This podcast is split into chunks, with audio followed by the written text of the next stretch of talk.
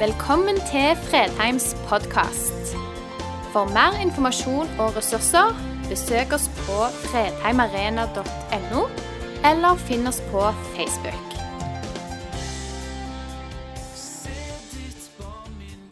Det er fint å få lov å være med og, og lovprise på den samme måten som de gjorde når Jesus kom ridende inn i Jerusalem. Hosianna i den høyeste.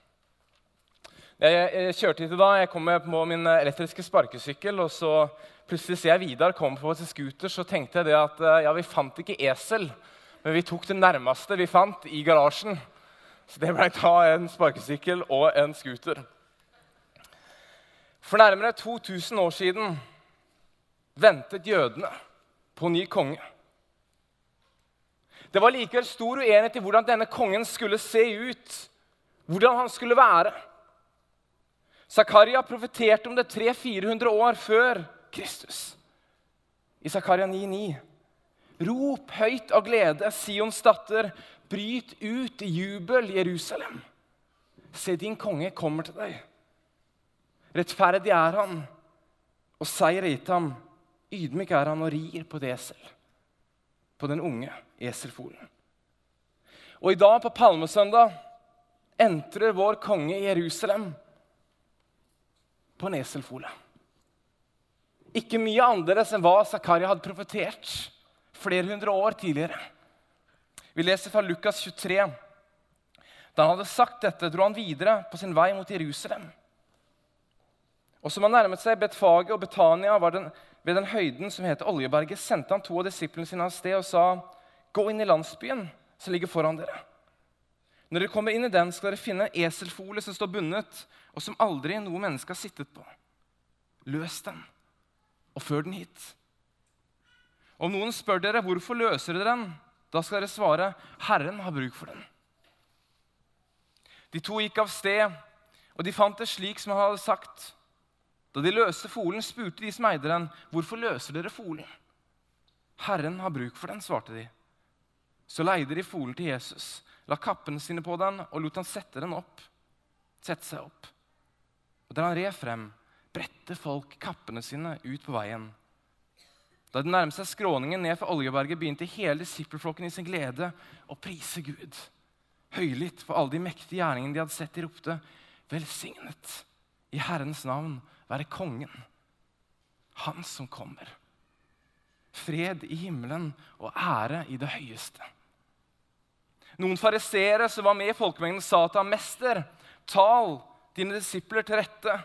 Men han svarte, 'Jeg sier dere, dersom de tier, skal steinene rope.' I inngangen til Westminster Abbey i London så er det et monument til ære for William Wilberforce. For de av dere som ikke kjenner William Wilberforce, så anbefaler jeg å lese historien om han i, i løpet av påska. Kort fortalt var det han som begynte å kjempe i det britiske parlamentet i 1789 for å få slavehandelen avviklet i det britiske imperiet. Etter mange års kamp så klarte han det i 1807. Og i 1833, noen uker før han døde, fikk han oppleve at frigjøringen av slaver på generell basis var vedtatt. Uansett, når da parlamentet i Storbritannia skulle ære den mannen, så skriver de denne setningen. I en tid med store og mektige menn, var han den som forandret karakteren til sin tid. Disiplene og deler av folkemengden forsto hva som var i ferd med å skje. Deler av Jerusalem brøt ut i jubel. Fariseerne forsto sannsynligvis også hva som var i ferd med å skje. Var det noe de kunne, så var det Skriften profetiene. De kjente nok veldig godt til Zakarias sin profeti om den, fred, den kommende fredskonge som skulle komme ridende på et esel.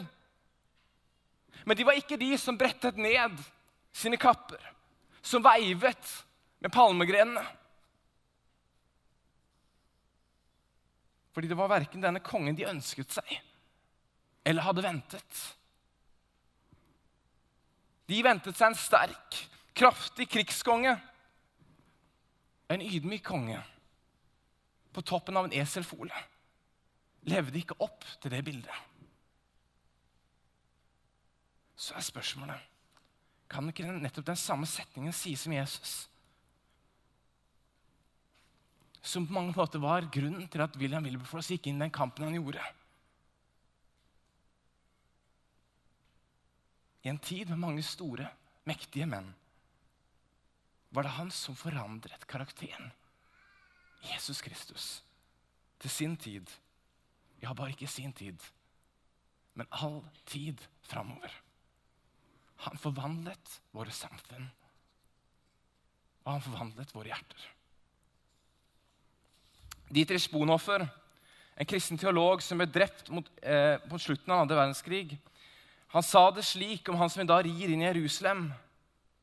A king that dies on the cross must be a king of a rather strange kingdom. En konge som dør på korset, må være en konge av et heller underlig rike. Et underlig rike som til de grader gir oss håp. Folkeskarene hev sine kapper ned, veivet med grenene i forventning til håp. Mennesker responderer alltid på håp. I dag rir håp inn i Jerusalem. Og i dag rir håp inn i ditt liv. Noen la ned kappene, hyllet den. Kongen så på vei. Og så var det sikkert noen i mengden der også som ikke forsto helt hva som foregikk. Og de sto bare og så på avstand. Og så var disse fariseerne, da. De som nok veldig godt forsto hva som er i ferd med å skje. De hadde lest det. Profetien hadde de sikkert hørt utallige ganger før. Men de ville ikke tro det. Og de likte det ikke. De veivet ikke med palmegrenen, de brøyt ikke ut i jubel. De var ikke med. De gikk bort til Jesus og sa, 'Tal til rette disiplene dine.' De som visste best av alt hva dette kunne bety. De som fra sin bakgrunn og studier hadde grunnlag for å forstå hva dette kunne bety for Israel.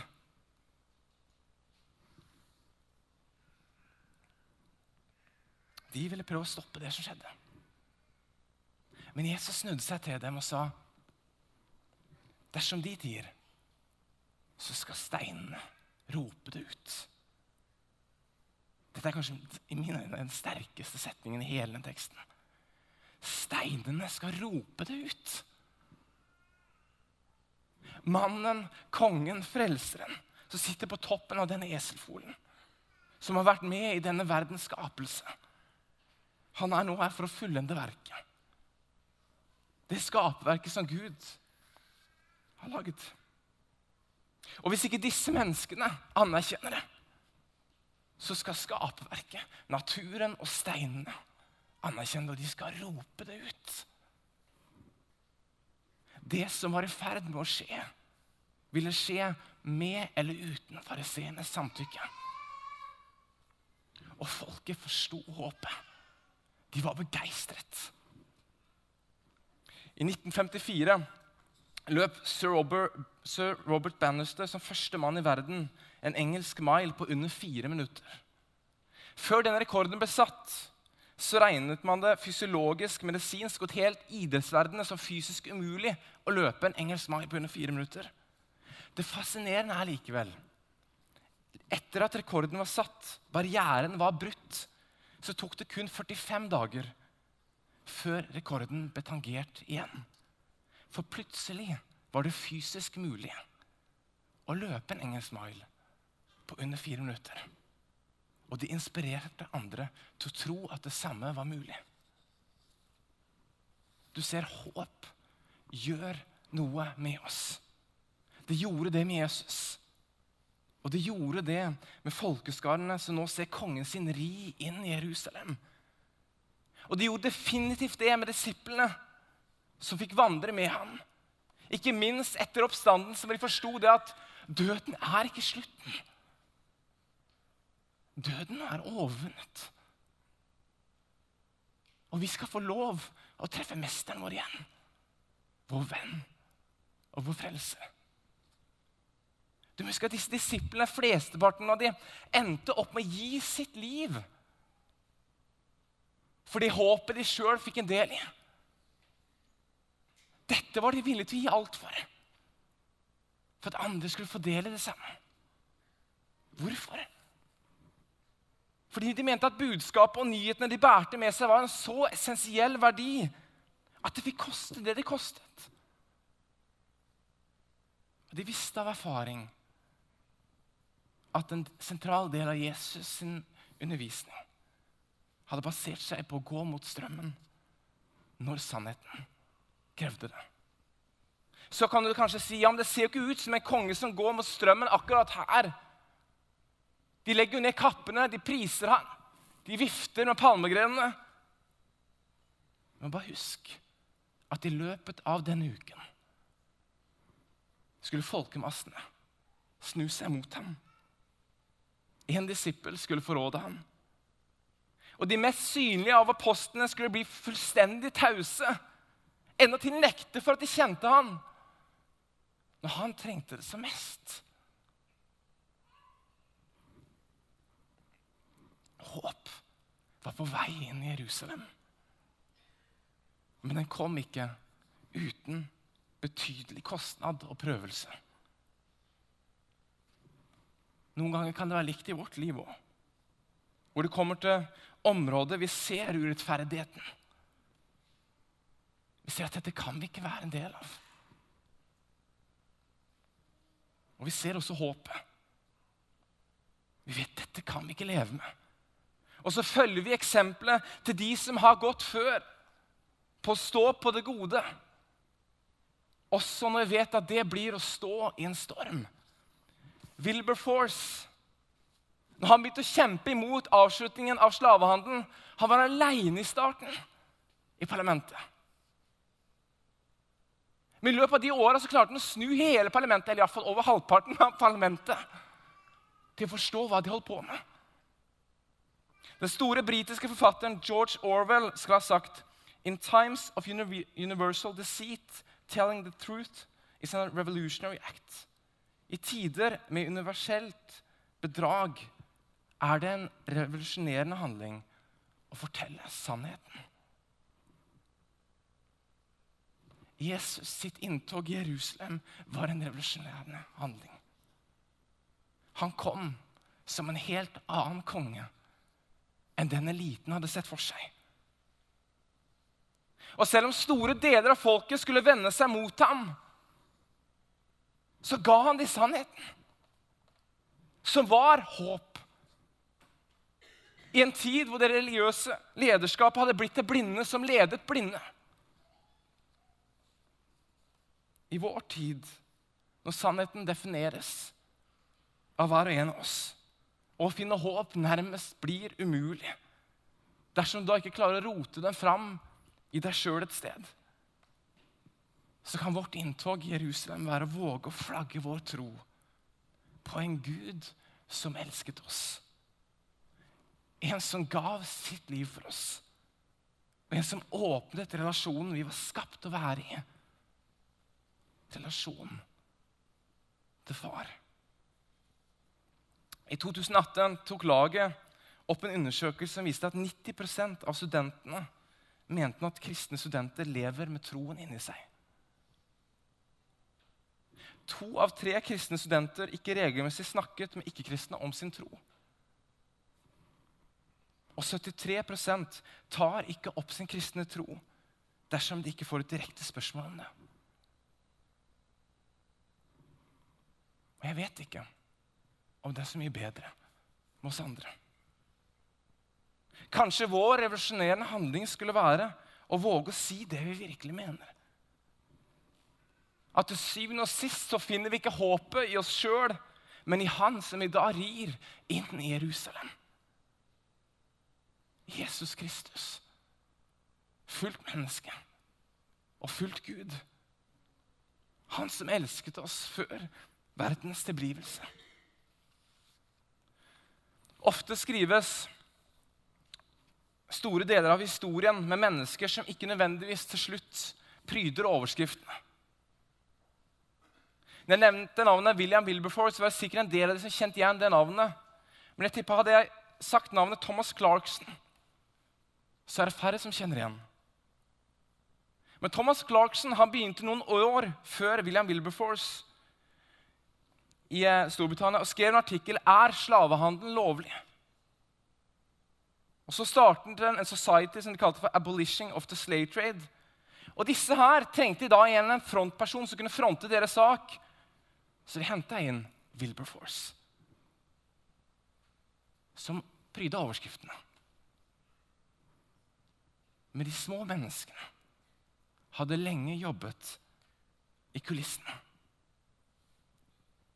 Vet du hvor stor prosentandel det trengs for å forandre et samfunn? Undersøkelser jeg hørte om, satt av store universiteter, sier ikke 90% 80% 50% Det sier at dersom du har 10% av folk som har en bunnsolid tro på noe, så vil den troen over tid bli adoptert av majoriteten. I Sandnes i dag er det utallige tusen. Flere og flere som ikke aner hva palmesøndag, skjærtorsdag, langfredag eller første påskedag har å gjøre med deres liv. Og de blir ikke mer kjent med det gjennom at vi bare beundrer det her inne. Men gjennom at vi følger ham med våre liv. Jeg skal våge meg utpå å gå fram noen dager i tid til langfredag. Men jeg skal berøre et tema som jeg tipper ikke blir berørt så mye på langfredag. For da skjer nettopp noe av dette. Av en eller annen grunn så er de store kanonene fullstendig vekk i bakgrunnen. Når Jesus døde, så står det det at de som kjente ham, sto på avstand og så på det som skjedde. De var ikke tett på ham. Og når da Jesus er død, er det ingen av disse kanonene som våger seg frampå. Men det er én mann som vi hører om fire ganger i evangeliene. Han sier ikke et eneste ord. En rettskaffen mann, står det. Blant folkene en rådsherre som ikke hadde vært med på det andre hadde vedtatt og satt i verk. Josef fra Arimathea. Vi skal lese akkurat de versene. Men alle de som kjente han, sto på avstand og så på. Blant dem var også de kvinnene som hadde fulgt ham fra Galilea. Nå var det en rådsherre ved navn Josef, en god og rettskaffen mann, som ikke hadde vært med på det de andre hadde vedtatt og satt i verk. Han var fra Armathea, en by i Judea, og han ventet på at Guds rike skulle komme. Han gikk til Pilatus og ba om å få Jesus sin kropp. Og Josef tok Jesu kropp ned, svøpte den i en linklede, la ham i en grav som var hugget ut i bergveggen, og som ennå det ikke var lagt noen i. Når det ikke var mer fanfarer, palmegrener, folk hadde vendt hjemover de som kjente han, sto på avstand. Kongen var død. Så fant denne mannen motet i seg til å gå opp til Pilatus og be om å få Jesus sin kropp. I Johannes evangeliet så står det ennå til at han var en disippel av Jesus, men i hemmelighet. Fordi han var redd for jødene. Men tydeligvis hadde punktet kommet i hans liv hvor han ikke lenger klarte bare å stå og se på. Han var en del av rådet. Sannsynligvis var han en velstående fyr. Visste hvordan han skulle bruke innflytelsen sin. Og kan nærmest se det for seg når det var oppe i rådet hva de skulle gjøre med denne Jesus. Så kan han se for seg Josef stå imot majoriteten. 'Jeg er ikke enig det dere sier om denne mannen.' Ut ifra det jeg har hørt, så heiv de da stemmene sine offentlig i det rådet på den tiden. Og jeg kan nesten se for seg Josef da gå fram og hive stemmen sin foran de fleste andre. Jeg mener nei. Jesus er ikke den dere sier han er. Han er ikke en trøbbelmaker. Denne mannen bør ikke henrettes. Hvor var folkene fra overskriftene? De som aldri skulle forlate ham. Alle de som kjente ham, sto og så på på avstand. Josef fikk med seg Nikodemus, svøpte han i et linklede og gav ham en grav. Josef av Arimathea så dette veikrysset i historien. Den tilbakeholdne Josef ble til den modige Josef. Kongen var død, men Josef ville gi ham ære. Og han gikk fra å være en hemmelig beundrer av Jesus til å bli en etterfølger av ham, der han bærte Jesus sin døde vekt i sine hender til graven. Hør på disse setningene fra Søren Kirkegård. Forskjellen mellom en beundrer og en etterfølger forblir uansett hvor du er. Beundreren gjør aldri noen sanne offer. Han spiller alltid trygt. Selv om han i ord, setninger, sanger er utarmelig og hvor høyt han priser Kristus, avstår han ikke fra noe, gir ikke opp noe, vil ikke reorientere sitt liv, vil ikke være det han beundrer, og vil ikke la sitt liv uttrykke hva det er tilsynelatende han beundrer. Forskjellen mellom en beundrer og en etterfølger forblir uansett hvor du er. Beundreren gjør aldri noen sanne offer. Han spiller trygt. Er jeg en beundrer? Eller er jeg en etterfølger? Har veikrysset kommet i mitt liv for å følge etter den kongen som rir inn i Jerusalem? Som om noen dager skal komme til å gi sitt liv for mitt liv? Eller står jeg bare og ser på?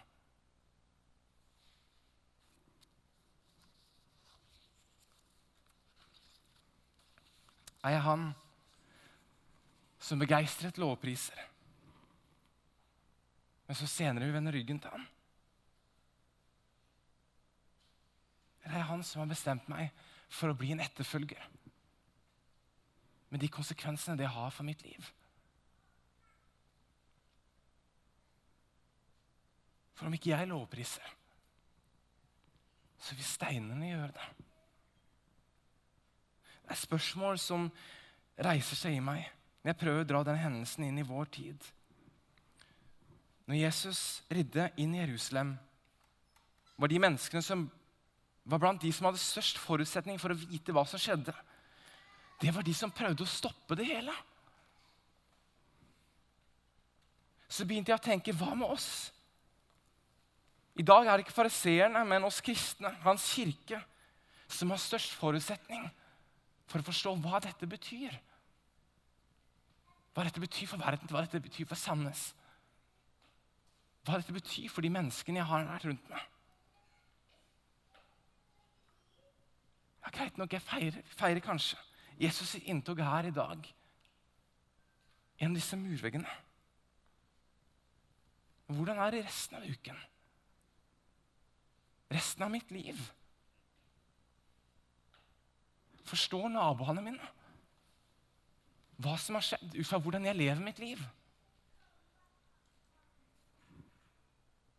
Om fire dager vet vi at han sitter med sine disipler til det siste måltidet. Om fem dager så dør han på korset. Kongen vår for å sone for denne verdens synder. Før han står opp på nytt. Hvordan påvirker det vårt liv? Forteller vi sannheten? Roper vi den ut? Eller flyter vi bare med?